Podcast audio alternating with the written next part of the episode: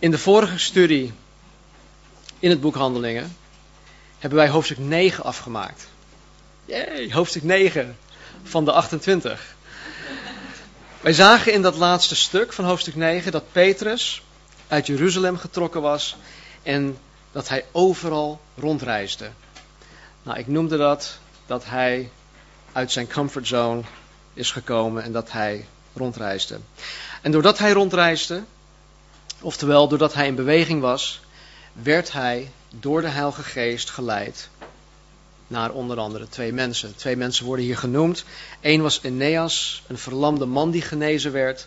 En de tweede was Tabitha, die uit de dood werd opgewekt. De Heilige Geest leidde hem naar deze twee mensen toe.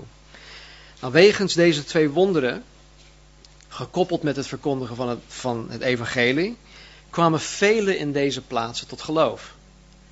En Jezus, en Jezus, nee, Petrus verbleef dus een langere tijd in, de, in deze plaats Joppe om deze nieuwe gelovigen te onderwijzen. want als je tot geloof komt, heb je onderwijs nodig. Het is net alsof je een pasgeboren baby bent, dan heb je zorg nodig.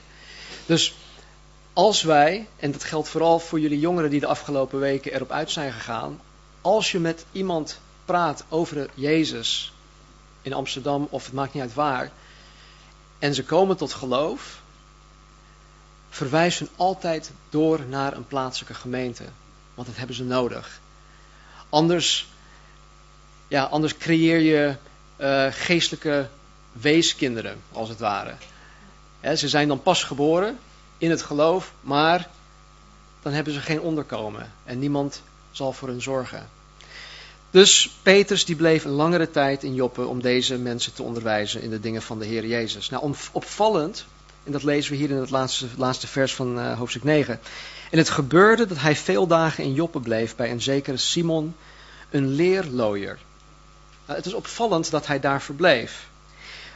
In de tijd van Petrus, of in deze tijd, was leerlooierij een walgelijk beroep.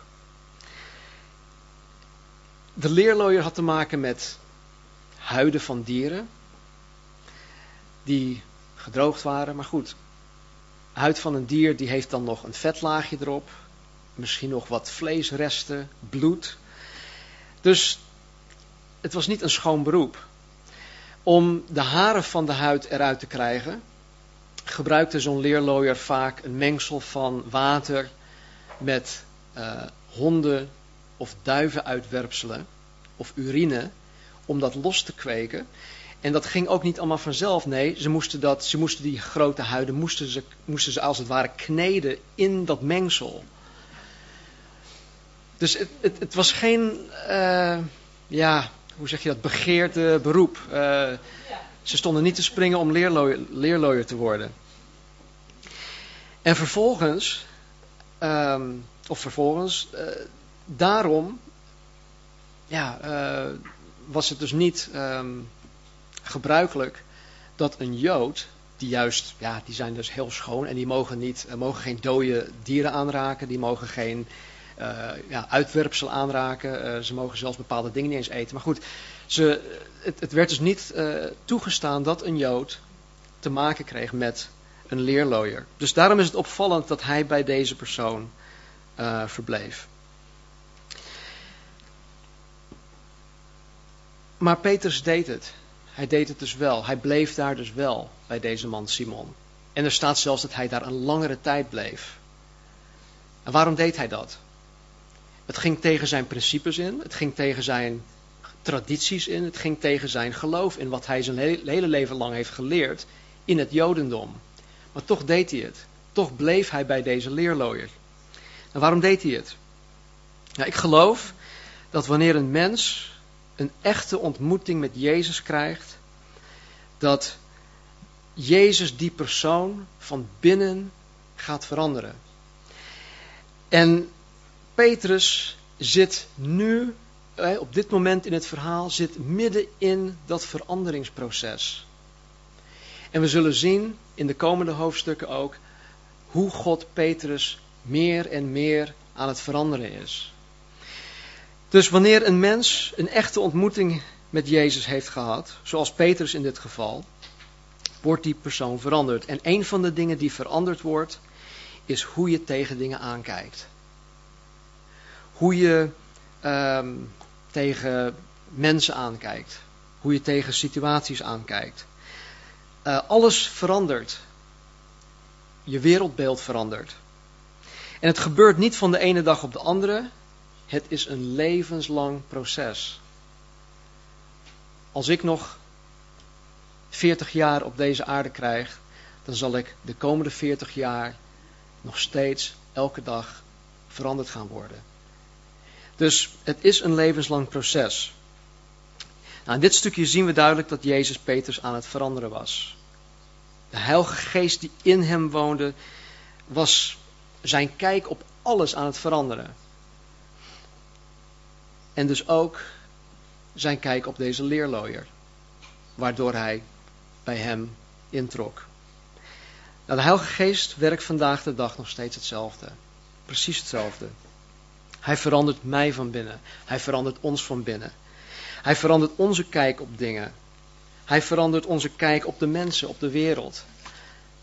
En naarmate wij dichter tot Jezus groeien, naarmate Jezus meer gestalte in ons krijgt, hè, dat wil zeggen dat naarmate wij meer en meer op Jezus gaan lijken, zullen wij radicaal anders tegen dingen aankijken. Soms gebeurt dat heel bewust. Dan is het als het ware alsof een knop omgaat. En dan zie je iets in één keer heel, heel anders. Maar met andere dingen gaat het geleidelijk. In Romeinen 12 staat er, Romeinen 12, 2 Carla, dat wij hervormd moeten worden door het vernieuwen van ons denken. En dit is het werk van de Heilige Geest. En de Heilige Geest doet dit werk primair door middel van het woord van God, de Bijbel. Nou, wij hebben sinds, sinds januari, eind januari, negen hoofdstukken van handelingen tot ons genomen. Negen hoofdstukken. En ik weet zeker, ik weet 100% zeker, dat jullie die het aanvaard hebben, jullie die het tot je genomen hebben, op bepaalde gebieden in je leven vernieuwd zijn in jullie denken. Gegarandeerd. Of je het nou zelf door hebt of niet, dat doet er niet toe. God heeft het door, de mensen om je heen hebben het door en God doet dat werk. Gegarandeerd. Ik weet zeker, als ik naar ieder van jullie kijk, weet ik zeker dat jullie denken is vernieuwd door Gods geest en zijn woord. Prijs de Heer. Nou, vanmorgen pakken we het op bij hoofdstuk 10. ik zal het voorlezen. En zoals gebruikelijk, als ik hier sta, dan krijg ik een heze stem. Ja. Um, handelingen hoofdstuk 10, vers 1. En er was een zeker man in Caesarea die Cornelius heette, een hoofdman over honderd, van de afdeling die de Italiaanse genoemd wordt. Een vroom man die met heel zijn huis God vreesde, veel liefdegaven aan het volk gaf en voortdurend tot God bad. Hij zag in een visioen duidelijk, ongeveer op het negende uur van de dag, drie uur s middags, dat er een engel van God bij hem binnenkwam, die tegen hem zei, Cornelius. En hij hield de ogen op hem gericht en werd zeer bevreesd. Nou, weer zo'n ontmoeting met een engel. Hij wordt bang. En hij zei, de engel zei dus, of hij zei tegen de engel, wat is er heer? En de engel zei tegen hem, uw gebeden en uw liefdegaven zijn opgestegen naar God en hij heeft eraan gedacht. Stuur nu mannen naar Joppe en laat Simon, die ook Petrus genoemd wordt, komen. Hij is gast bij een zekere Simon, een leerlooier, die zijn huis bij, deze, bij de zee heeft. Hij zal u zeggen wat u moet doen. En toen de engel die tot Cornelius sprak weggegaan was, riep hij twee van zijn huisknechten en een vrome soldaat uit, hen die steeds bij hem waren. En toen hij hun alles verteld had, stuurde hij hen naar Joppe. En de volgende dag, terwijl zij op reis waren, dus deze twee knechten en de soldaat, en de stad naderde, klom Petrus op het dak om te bidden, ongeveer op het zesde uur, rond de lunchtijd. En hij kreeg honger en hij wilde eten. En terwijl men aan het, het eten aan het, aan het bereiden waren, raakte hij in geestvervoering. En hij zag de hemel geopend en een bepaald voorwerp naar zich toe komen. Dat leek op een groot linnen laken dat aan de vier hoeken gebonden was en neergelaten werd op de aarde. Waarin al de viervoetige dieren van de aarde zich bevonden, de wilde en de kruipende dieren en de vogels van de hemel. En er kwam een stem tot hem, Sta op, Petrus, slacht en eet. Maar Petrus zei, beslist niet, heren, want ik heb nooit iets gegeten wat onheilig of onrein is. En er kwam opnieuw voor de tweede keer een stem tot hem. Wat God gereinigd heeft, mag u niet voor onheilig houden. En dit gebeurde tot drie keer toe. En het voorwerp werd opgenomen in de hemel. Toen Petrus bij zichzelf twijfelde wat het visioen dat hij gezien had kon betekenen, zie, daar stonden de mannen die door Cornelius gestuurd waren aan de poort, nadat ze naar het huis van Simon gevraagd hadden. En ze riepen iemand te vroegen of Simon, die ook Petrus genoemd wordt, daar te gast was. Terwijl Petrus nog over dat visioen nadacht, zei de geest tegen hem, zie, drie mannen zoeken u. Sta daarom op, ga naar beneden en reis met hen mee. Twijfel niet, want ik heb hen gestuurd. Naar, ging naar beneden, naar de mannen die door Cornelis naar hem toegestuurd waren, en zei, zie, ik ben het die u zoekt. Wat is de reden waarom u hier bent? En ze zeiden, Cornelius, een hoofdman over honderd, een rechtvaardig man, die God vreest en van wie heel het volk van de Joden een goed getuigenis geeft, is door goddelijke openbaring aangespoord door een heilige engel om u naar zijn huis te laten komen om van u woorden van zaligheid te horen. Toen riep hij hen naar binnen, ontving hen als gast en de volgende dag vertrok Petrus met hen en enige van de broeders uit Joppe gingen met hem mee. Tot zover. Vader, dank u wel, Heer, voor uw woord. Heer, we hebben uw geest nodig, Heer, om ons te verlichten. Om ons verstand te openen. Heer, zonder u zullen we dit niet begrijpen. En Heer, voor een ieder van ons is de les hetzelfde, maar ook voor een ieder van ons is de les uniek. Heer, spreek tot een ieders hart wat u wil vertellen door uw woord. Amen. Met de introductie van deze Cornelius zullen we zien dat het evangelie ook de heidenen, en de heidenen zijn in principe de niet-Joden. Iedereen die niet Jood is, wordt in de Bijbel een heiden genoemd. Dat het evangelie ook deze mensen zal gaan bereiken. Nou, met uitzondering van de Ethiopische kamerheer van uh, Handeling hoofdstuk 8, kwam het evangelie dus verder alleen nog maar tot de Joden. Tot de Jodengenoten en tot de Samaritanen. De Samaritanen waren half Joden. Jodengenoten waren mensen die tot het Jodendom bekeerd waren. Maar nu, op dit moment in het verhaal, tien jaar nadat de kerk geboren was, was de tijd aangebroken dat het profetisch woord van God um, gerealiseerd ging worden. Het profetisch woord van God dat 4000 jaar geleden aan Abraham werd gegeven. Nou, zo'n 2040 jaar daarvoor, hè, voor deze ontmoeting, in Genesis 12 gaf God de belofte aan Abraham dat in zijn nageslacht alle volken van de aarde gezegend zullen worden. En bij nageslacht wordt hier Jezus Christus bedoeld. Dus in Genesis 12 zegt God al tegen Abraham, in jouw nageslacht, die Jezus Christus uiteindelijk zal zijn, zullen alle volken van de wereld gezegend worden. En dat zijn ook wij. Met andere woorden, in Jezus Christus zullen alle volken dus niet alleen de Joden gezegend worden. En gezegend betekent hier dat men overvloedig in alle rijkdommen van God deelnemer zou kunnen worden. En dat geldt ook voor ons. Wij, door ons geloof in Jezus Christus, kunnen deelnemer zijn in alle rijkdommen van God. Nou, we kunnen heel lang praten over al die rijkdommen. Lees Efeze hoofdstuk 1 een keertje.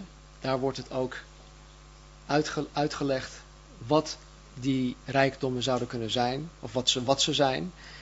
Dus lees dat een keer uh, thuis goed door. Nou, vers 1. Er was een zeker man in Caesarea, deze Cornelius. Een hoofdman over honderd van de afdeling die de Italiaanse genoemd wordt. Een vroom man die met heel zijn huis God vreesde. Veel liefdegaven aan het, aan het volk gaf en voortdurend tot God bad. Deze Cornelius was een onderofficier. Hij was een onderofficier in het Romeins leger en hij had leiding over een legerafdeling van zo'n uh, ja, tussen de 600 en 1000 man. Dus het was geen kleine jongen.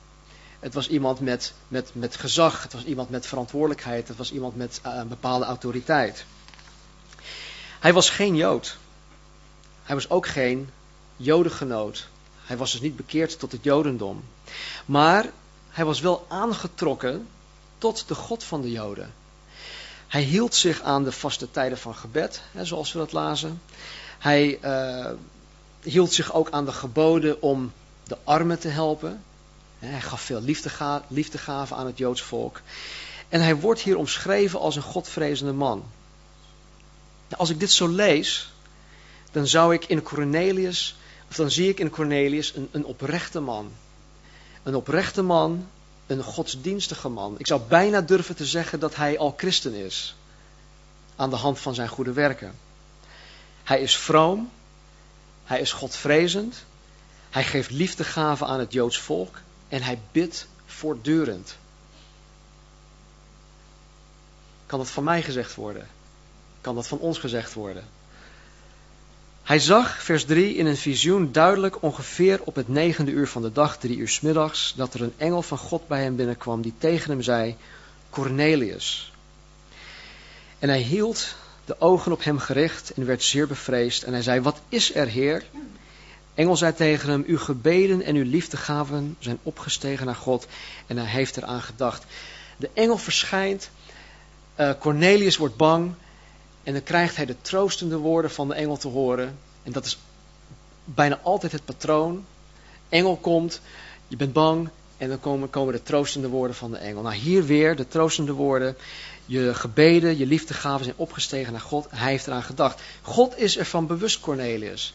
Hij kent jouw hart. Hij weet wat je aan het doen bent. Jouw liefdegaven, je gebeden, dat, dat, dat, dat is God allemaal bekend. Hij zegt, stuur nu mannen naar Joppe en laat Simon, die ook Petrus genoemd wordt, komen. Deze is de gast bij een zekere Simon, een leerlooier, die zijn huis bij de zee heeft. Petrus zal u zeggen wat u moet doen. En toen de engel die tot Cornelius sprak weggegaan was, riep hij twee van zijn dienstknechten en een vrome soldaat uit hen die steeds bij hem waren. En toen hij alles had verteld, stuurde hij hen naar Joppe toe. Nou, de Bijbel belooft ons dat wanneer wij God zoeken, dat Hij, dat God zich laat vinden. Dat is een belofte. En het maakt niet uit waar je vandaan komt, wat voor religie je hebt, of geen religie, of atheïst. Het maakt niet uit wie je bent. Als je God zoekt, dan zal God zich kenbaar maken. In Spreuken 8, vers 17 staat er dit, uit de NBG-vertaling. Wie mij ijverig zoeken, zullen mij vinden. Wie mij ijverig zoeken, zullen mij vinden. In Jeremia 29:13 uit het groot, uh, groot Nieuwsbijbel staat er dit. Wie mij met hart en ziel zoekt, zal mij vinden. Dus op meerdere plekken staat er, wie mij zoeken zal, zal me vinden. Soms raak ik in gesprek met, met, met nog niet bekeerde, met ongelovige mensen. En dan haal ik dit aan en dan zeg je, ja, ik, ik, ik ben al op zoek naar God, maar ik, ik kan hem maar niet vinden. En ik, ik dit en ik dat en het is moeilijk. En ze, ze komen niet tot het punt dat ze dus echt in Jezus gaan geloven. Maar toch staat het hier. Dus ik geloof in God. Ik geloof dat God de waarheid spreekt. Ik geloof dat God zijn belofte nakomt. Dus als iemand mij tegen mij zegt: joh, ik heb het al geprobeerd, maar het lukt maar niet en ik, ik kan God niet vinden. Dan weet ik met 100% zekerheid dat het niet aan God ligt. En jullie kunnen ook die zekerheid hebben dat wanneer je in gesprek gaat met iemand, als ze met allerlei verschillende verhalen komen waarom ze niet tot geloof kunnen komen, dan hebben ze God nog niet gezocht. Want hier staat het en wij geloven het. En wij beamen het. Wij zitten zelf hier als gelovigen. Dus Spreuken 8 vers 17, Jeremia 29 vers 13. En hier in dit verhaal van Cornelis zien wij dat hij God ijverig zocht. Met hart en ziel. Want God komt hem tegemoet. God stuurt een engel naar hem toe om een boodschap door te geven. En door die boodschap te gehoorzamen, zal Cornelius God uiteindelijk vinden. Hij gaat God vinden. Wat mij hier opvalt, en dit vind ik wel ja, eigenlijk mooi, het, het, is dat God een engel naar Cornelius toestuurt om Cornelius een boodschap te geven. De boodschap is dat Cornelius Petrus erbij moet gaan halen, omdat Petrus hem iets te vertellen zou hebben. Waarom zo moeilijk? Die engel die staat er al, hij is al in gesprek met hem. Waarom zegt die engel het gewoon nou niet? Waarom een hele omweg? Die, die, die, die twee huisknechten, die soldaat, die moeten 35 kilometer waarschijnlijk op de voet naar, uh, naar, naar uh, Joppe toe. Om Petrus daar te halen. Nou, dan zijn ze drie of vier, vier uh, paar dagen onderweg. weer een paar dagen terug. Waarom zo moeilijk? Waarom vertelt die engel het gewoon niet? In dit zien wij de genade van God. Wij zien het plan van God. We zien de wil van God om mensen te willen gebruiken. God heeft ervoor gekozen om mensen te gebruiken om het evangelie met andere mensen te delen. Er staat ook in de Bijbel dat hij kon het door middel van engelen doen. Hij kan het op allerlei verschillende wijzen doen. Als ik naar mezelf kijk en hoe ik zo vaak tekortschiet en hoe ik faal, dan zou ik bijna zeggen van Heer, weet u zeker wat u aan het doen bent? Er zijn zoveel betere manieren om het evangelie aan de man te brengen. Waarom heeft u dat aan mij toevertrouwd? En toch heeft hij het aan ons toevertrouwd. Paulus zegt dat wij medearbeider zijn van Christus. Wij zijn collega's van Jezus.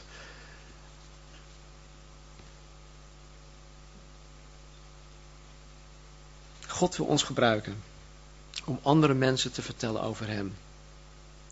Dat Cornelius vroom was, Godvrezend was, dat hij liefdegaven schonk aan de armen, dat hij voortdurend bad, was blijkbaar niet voldoende om deelnemer te worden aan Gods rijkdommen. Oftewel, om deelnemer te worden om Gods redding en heil te ontvangen. Zijn oprechtheid was dus niet voldoende om deelnemer te worden aan de belofte die 2040 jaar daarvoor aan Abraham werd gegeven. Hij bad, hij was oprecht, hij gaf liefdegaven, maar dat was blijkbaar nog niet genoeg. Als dat voor deze oprechte, godvrezende Cornelius niet voldoende was, hoe zit dat dan met ons, met de mens van anno 2007? En want sommige mensen zijn vandaag ook oprecht in hun bedoelingen. Niet allemaal, maar er zijn sommige mensen die echt oprecht zijn in hun bedoelingen naar God toe. Ze zeggen vandaag de dag ook dat zij wel eens bidden tot God.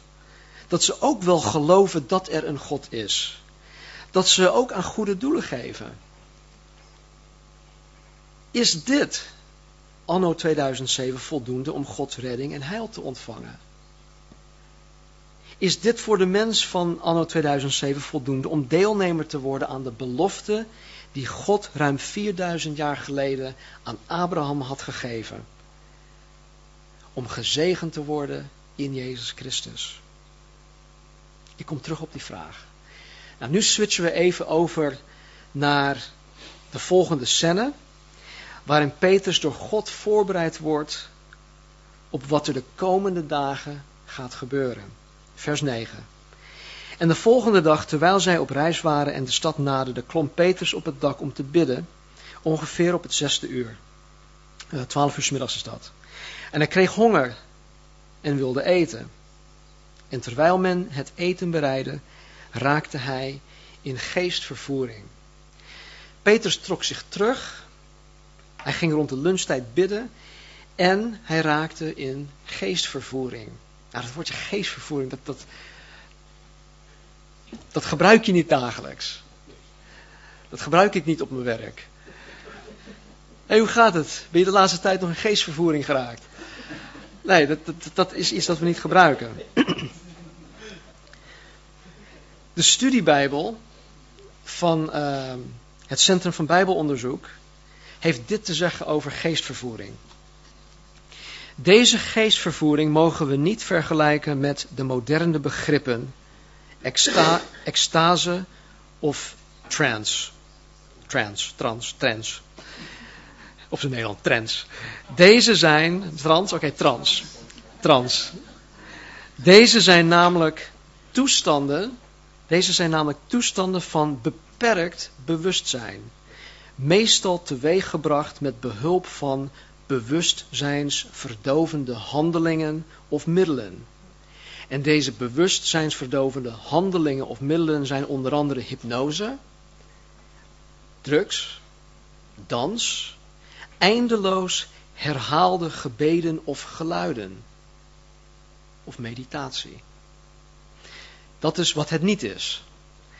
De geestvervoering die hier wordt bedoeld, is een toestand waarin de mens bij vol bewustzijn door de Heilige Geest wordt vrijgemaakt van zijn lichamelijke beperkingen en in staat wordt gesteld tot boven zintuigelijke waarneming.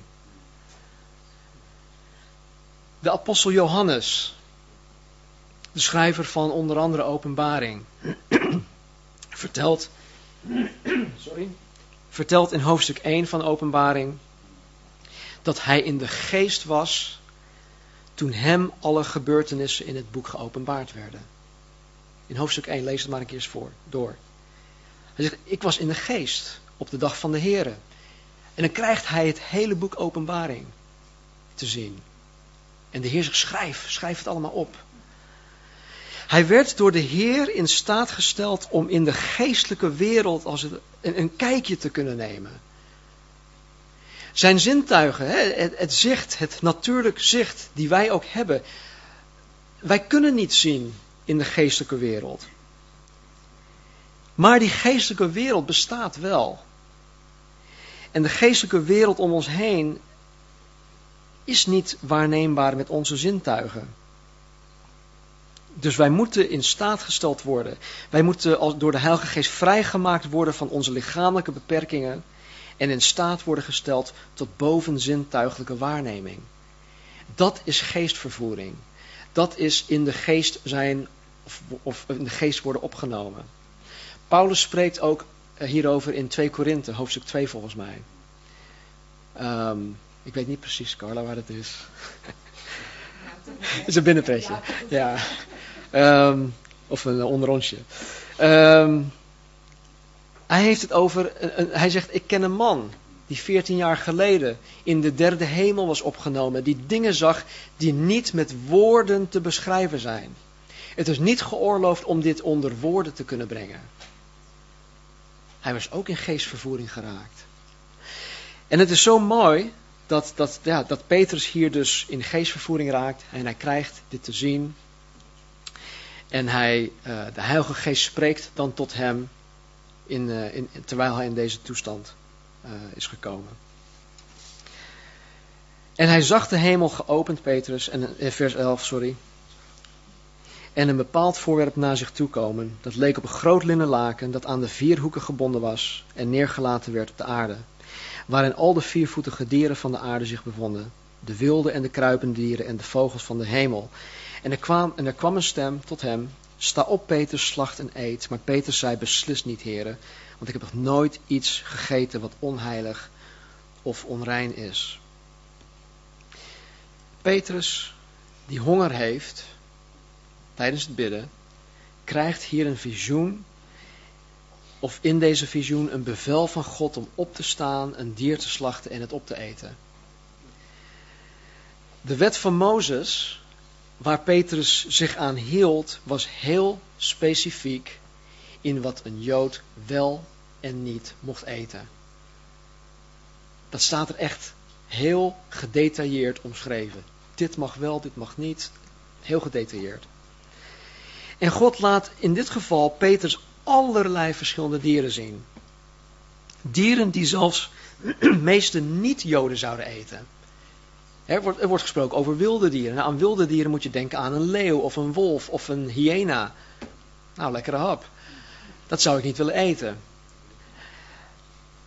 Nou, als een niet-Jood deze dingen niet zou eten, laat staan een, een Jood.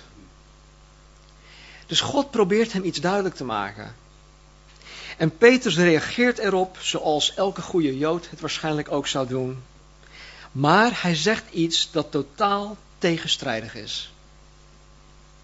En wij zeggen dat ook. Hij zegt, beslist niet, heren. Petrus noemt God heren en dat is goed. Want dat is zijn titel. Het is niet zijn naam, Heere Jezus Christus is niet zijn naam. Nee, het is de Heere, de Christus, de gezalfde, dat is zijn titel. En dat is hij ook. Maar Petrus zegt, beslist niet Heere. Hij zegt absoluut niet, dat doe ik niet. Als iemand mijn Heer is, in dit geval Jezus Christus, dan ben ik zijn eigendom. Kobus heeft er twee weken geleden over gehad, over het woordje curios, Heer, wat dat betekent.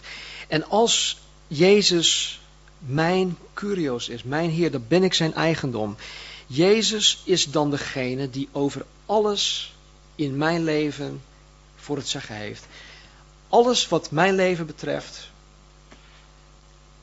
daar heeft Jezus zeggenschap over. Dat betekent dat Hij mijn Heer is. De heerschappij van Jezus over mijn leven wordt zichtbaar in de mate waarin ik ja en amen tegen Hem zeg. Maar al te vaak noem ik Hem wel Heer, maar ik gehoorzaam Hem niet. Hoe vaak zeg ik wel niet? Nee, doe ik niet. Beslis niet, Heer. Absoluut niet. Dus dit kan niet. Het is een tegenstrijdigheid. Beslist niet, heren, dat gaat niet. Het is een tegenstrijdigheid. Als ik Jezus niet gehoorzaam, als ik mijn Heer niet gehoorzaam, dan hoor ik Hem ook niet bij zijn titel Heer te noemen. Want als ik Hem niet gehoorzaam, dan is Hij niet mijn Heer. Nee, Heer bestaat niet. Dat bestaat niet. Vers 15. En er kwam opnieuw voor de tweede keer een stem tot hem. Wat God gereinigd heeft, mag u niet voor onheilig houden.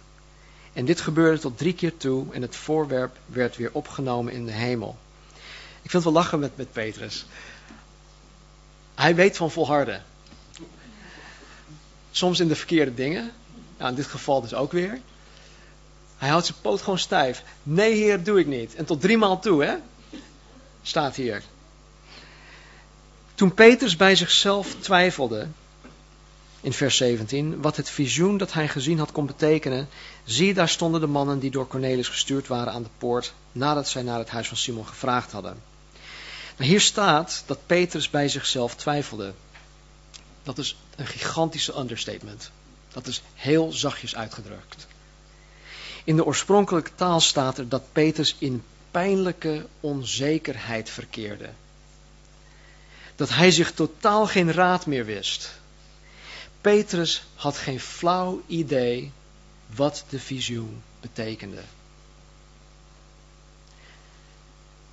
Wist Petrus dat het de Heer was die met hem sprak? Wist hij zeker dat het Jezus was? Dat het, natuurlijk, hij wist dat, absoluut. Ik weet 100% zeker dat Petrus wist dat het Jezus was, was die tot hem sprak. Dus Petrus wist dat God met hem bezig was. Hij wist alleen niet wat God aan het doen was. En wat hij ermee moest doen. Petrus verkeerde in een staat van pijnlijke onzekerheid.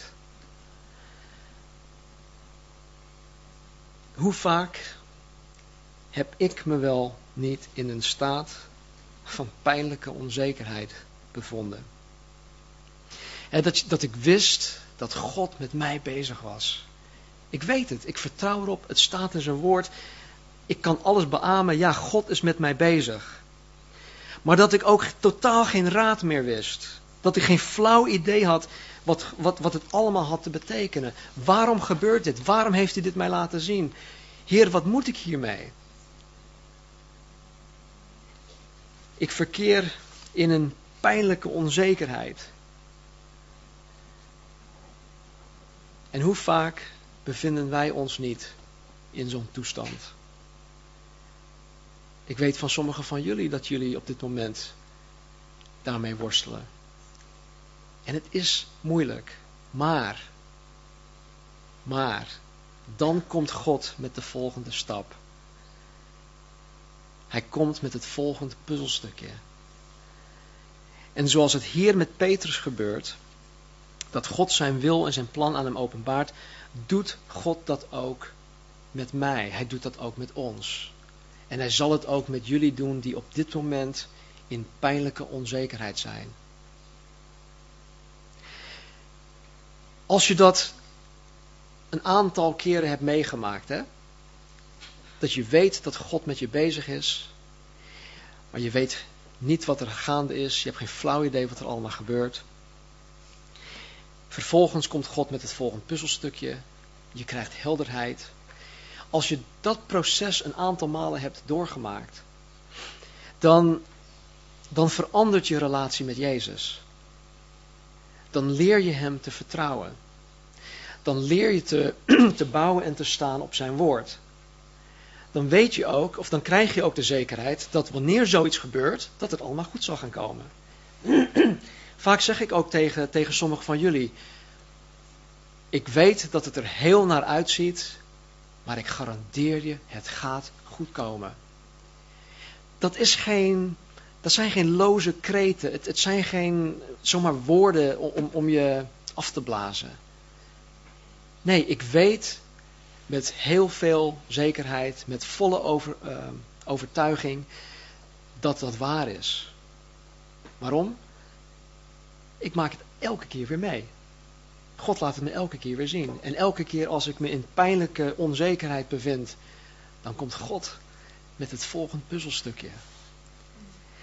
Dus ik weet zeker dat Hij mij uitkomst geeft. En ik kan ook met alle zekerheid aan jullie vertellen dat God jullie en ieder van jullie ook uitkomst zal geven. En de uitkomst is altijd duizend malen beter dan ik zelf ooit had kunnen bedenken. Vers 18. En ze riepen iemand en vroegen of Simon, die ook Petrus genoemd wordt, daar te gast was. Terwijl Petrus nog over dat visioen nadacht, nou lijkt me logisch, zei de geest tegen hem, zie, drie mannen zoeken u, sta daarom op, ga naar beneden en reis met hen mee. Twijfel niet, want ik heb hen gestuurd. Petrus was op dit moment nog steeds op het dak en hij zat diep na te denken over het visioen. Waarschijnlijk was hij al nadenkend, ook in gebed. En tijdens dat gebed sprak de Heilige Geest tot hem. De geest sprak meest waarschijnlijk tot zijn gedachten terwijl hij in gebed was. In plaats van dat hij een, ja, een hoorbare stem kreeg. En deze manier van communicatie, hoe de Heilige Geest met ons vandaag de dag ook communiceert, dat heet inspiratie. En dat is dat God tot mij spreekt, tot mijn geest communiceert door gedachten in mijn ja, in, in mij te, te, te leggen. Het dus de geest spreekt tot mij, tot ons, door middel van inspiratie. en het is de Heilige Geest die met mijn geest communiceert. En je vraagt je soms af als je met een ongelovige spreekt, waarom snappen ze dat dan niet? Het is zo duidelijk. Hier ligt de kern. Jezus zei tegen Nicodemus in hoofdstuk uh, Johannes hoofdstuk 3. Je moet wedergeboren worden, anders kan je het koninkrijk van God zelfs niet eens zien. Laat staan dat je daar binnen mag gaan. Dus op het moment dat wij tot wedergeboorte komen, wordt ons geest tot leven gebracht. Doordat wij, door onze zonde zijn wij geestelijk gestorven. Zijn wij geestelijk afgestorven, zijn wij geestelijk uh, gescheiden van God. Op het moment dat wij wedergeboren worden, wordt ons geest als het ware uh, reunited, um, herenigd met Gods geest. En zo spreekt Gods geest tot mijn geest. En Gods geest spreekt tot mijn geest door mij gedachten te geven. Dat heet inspiratie. Het lastige hiervan, en dat kunnen jullie allemaal beamen, is dat ik vaak niet weet of het Gods gedachten zijn of mijn eigen gedachten. Pas achteraf, wanneer die gedachte verwezenlijkt is, weet ik met 100% zekerheid dat het God was die tot me sprak. En kan ik dus ook vaak zeggen dat God dit of dat tegen mij heeft gezegd. En misschien ja, heb ik dat ooit tegen jullie gezegd in gesprekken hier of thuis of, waar dan ook. Dat ik heb gezegd van, joh, ja nee, God sprak echt duidelijk tot me. Nou, dat kan ik alleen maar zeggen, dat kan ik alleen maar achteraf zeggen. Als ik, want dan weet ik, hey, God heeft mij maanden geleden een gedachte gegeven. Het is tot uiting gekomen, het is verwezenlijkt. Oké, nou, God heeft duidelijk tot me gesproken. Als ik nu zeg van, nou, ik denk dat God tot me spreekt om over zes maanden helemaal te gaan stoppen met mijn werk, durf ik niet met 100% zekerheid te zeggen, nee, God zegt dat, eh, God heeft dat uh, tot, me tot me gesproken. Dus achteraf kan ik dat wel met, met, met 100% zekerheid zeggen. Maar goed, daar wil ik niet te lang op, uh, op doorgaan. Omdat Petrus nog niet wist dat het om heidenen ging en dat God van hem zou vragen om het huis van een heide in te gaan, dat is taboe, bevestigt de Heilige Geest het hier met de woorden, Petrus, twijfel niet. Twijfel niet, want ik heb hen gestuurd. De Heilige Geest zegt tegen Petrus, ik heb hen gestuurd. In vers 3 tot en met 8 lezen we dat een engel verscheen aan Cornelius. Dat hij Cornelius zei, tegen, tegen Cornelius zei, hey, sturen wat mannen naar Petrus toe. En hier zegt de Heilige Geest dat hij de mannen heeft gestuurd. Nou, hierin zien we dus dat de Heilige Geest zelf alles orchestreert. En dat hij zowel engelen als mensen voor zijn doeleinden gebruikt. Vers 20. En Petrus ging naar beneden, naar de mannen die door Cornelius naar hem toegestuurd waren en zei, zie, ik ben het die u zoekt. Wat is de reden waarom u hier bent?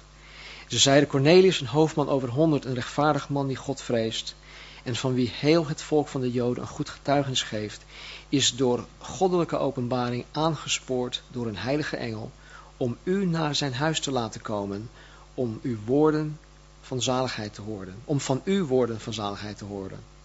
Toen riep hij hen naar binnen, ontving hen als gast, en de volgende dag vertrok Petrus met hen, en enige van de broeders uit Joppe gingen met hem mee. Maar hier krijgen we het antwoord op de vraag of oprechtheid van hart voldoende is om Gods redding en heil te ontvangen. Wij zagen in het begingedeelte dat Cornelius vroom was. Hij was godvrezend. Hij gaf liefdegaven aan de behoeftigen. Dat hij voortdurend bad. En de vraag was of dit voldoende was om deelnemer te worden aan de belofte die God 2040 jaar daarvoor aan Abraham had gegeven. De belofte om Gods redding en heil te ontvangen. De belofte om na de dood bij Hem in de hemel te kunnen komen. De hoop op de eeuwigheid met God. In vers 22 staat dat God Cornelius had aangespoord om Petrus naar hem toe te laten komen om van Petrus woorden van zaligheid te horen.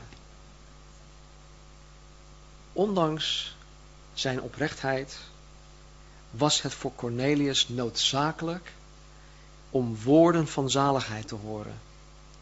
Cornelius moest weten, hij moest weten dat Jezus Christus de weg is, de waarheid en het leven.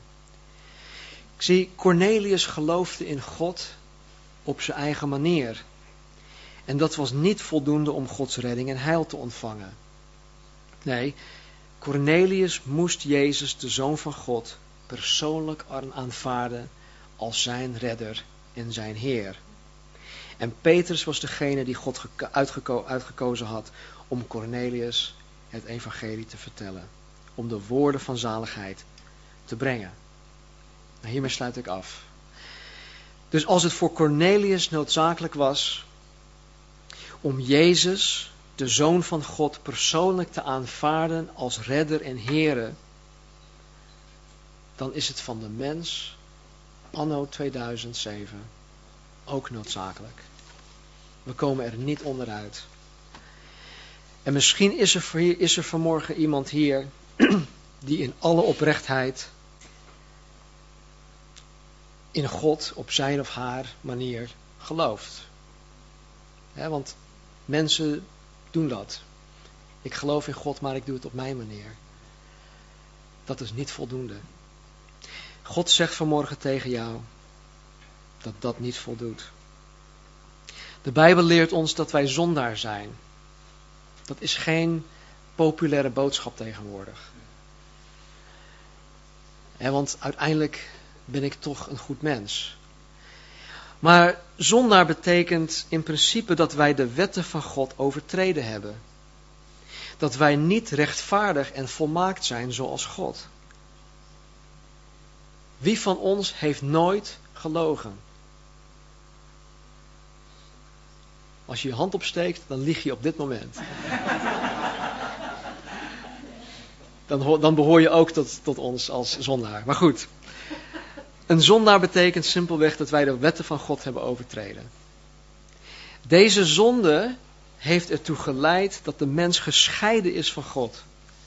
En dat de mens uiteindelijk voor eeuwig gescheiden zal zijn van God. Dat is de straf van de zonde. Dat is de straf die elk mens uiteindelijk hoort te betalen. Maar God heeft een oplossing bedacht. Hij heeft een oplossing gebracht. Hij heeft zichzelf gegeven aan ons en de straf voor mijn zonde heeft hij op zich genomen. Tegelijkertijd heeft God zijn rechtvaardigheid en zijn volmaaktheid aan mij toegerekend.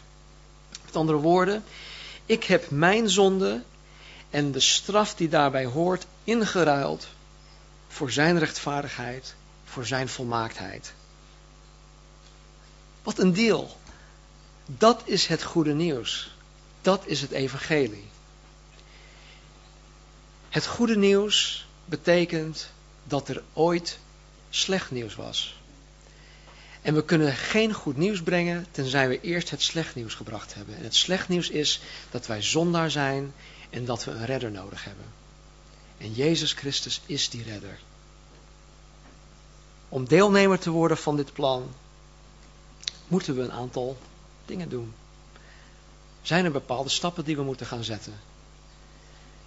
Weet jullie nog, in hoofdstuk 2 bracht Petrus met Pinksteren de boodschap uit Joel hoofdstuk 2.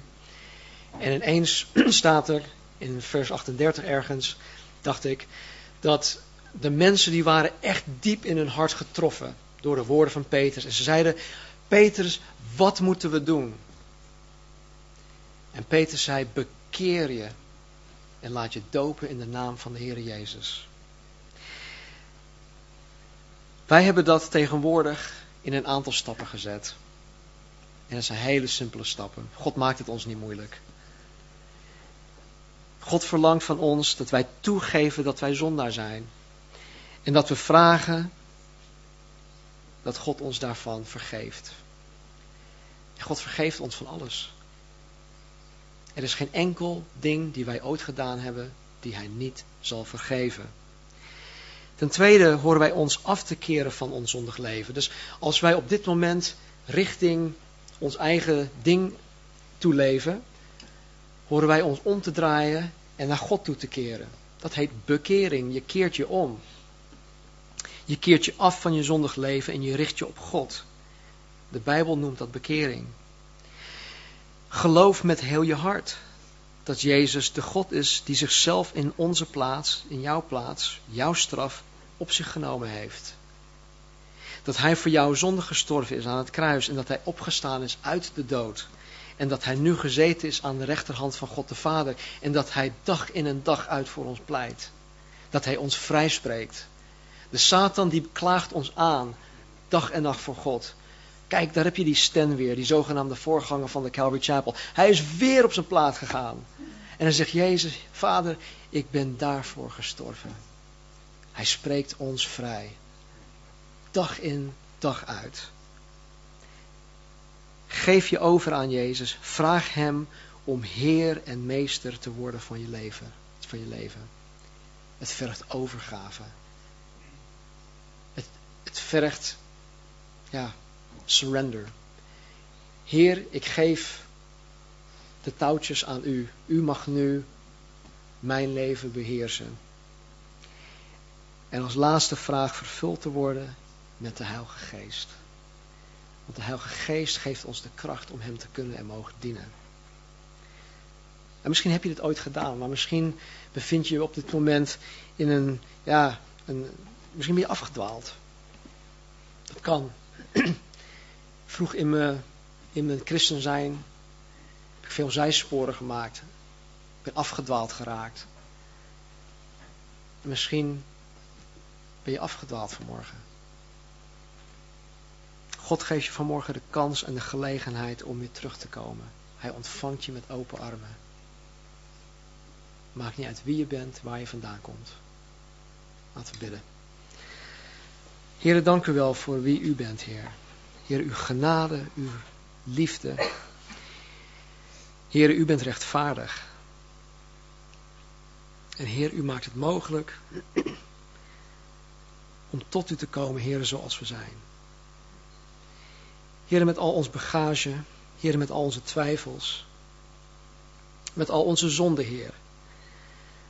En Heer, zoals het voor Cornelius, Heer, een oprechte man, een godvrezende man, een vrome man, Heer, een man die voortdurend tot u bad. Een man die liefdegaven schonk aan de mensen die in nood waren. Heren, als we zo'n man vandaag de dag in de kerk zouden hebben, dan zouden we zeggen, wauw, dat is een goed christen. Maar heren, deze dingen zijn op zich niet voldoende, heer. U heeft uw zoon gegeven. Heren, om het ons mogelijk te maken om deel te nemen aan de belofte die u 4000 jaar gegeven heeft aan Abraham. Heren, dat wij gezegend zullen zijn. Heren, met alle zegen in de hemelse gewesten. Alle geestelijke zegen. En zo, Heer, als er iemand is die u nog niet kent. Heren, die misschien in u gelooft, Heer, op, op zijn of haar eigen manier. Heren, dan is, het nu, dan is nu het moment om tot u te komen. En mocht je dat zijn, het is heel simpel. Vraag aan God om jouw Heer te worden. Geef toe dat je een zondaar bent, dat je de heerlijkheid en de rechtvaardigheid en de volmaaktheid van God gewoon, dat je daarin tekort schiet. Dat je de wet van God hebt overtreden. Dat je daar spijt van hebt dat je je daar ook van zal afkeren. Dat je gelooft dat Jezus de waarachtige God is van de Bijbel. Dat Hij voor je gestorven is. Dat Hij aan het kruis heeft gehangen. Dat Hij drie dagen daarna weer opgestaan is uit de dood. Beleid dat. En vraag aan God om je met de Heilige Geest te vullen. Of misschien ben je afgedwaald. Nu is het moment om terug te komen. Misschien zegt je gevoel wel nee, een ander keertje misschien. Misschien zegt de wereld ook altijd van nee joh, stel het uit. Je hebt nog veel dingen te beleven. Misschien fluistert de Satan wel in je oren nu. Nee, want, want wat zal die andere wel denken? Maar de Bijbel zegt nu is het moment. Vandaag is de dag des heils. Doe het nu. En verlaat deze kamer niet zonder je leven, je hart te hebben gegeven. Aan de schepper van hemel en aarde, Jezus Christus. Dank u wel, Vader. Heer, help in ieder van ons. Zegen uw woord, vader. Laat het niet ledig tot u wederkeren. Kom tot uw doel. Vernieuw ons denken. Dank u wel. In Jezus' naam. Amen. Amen.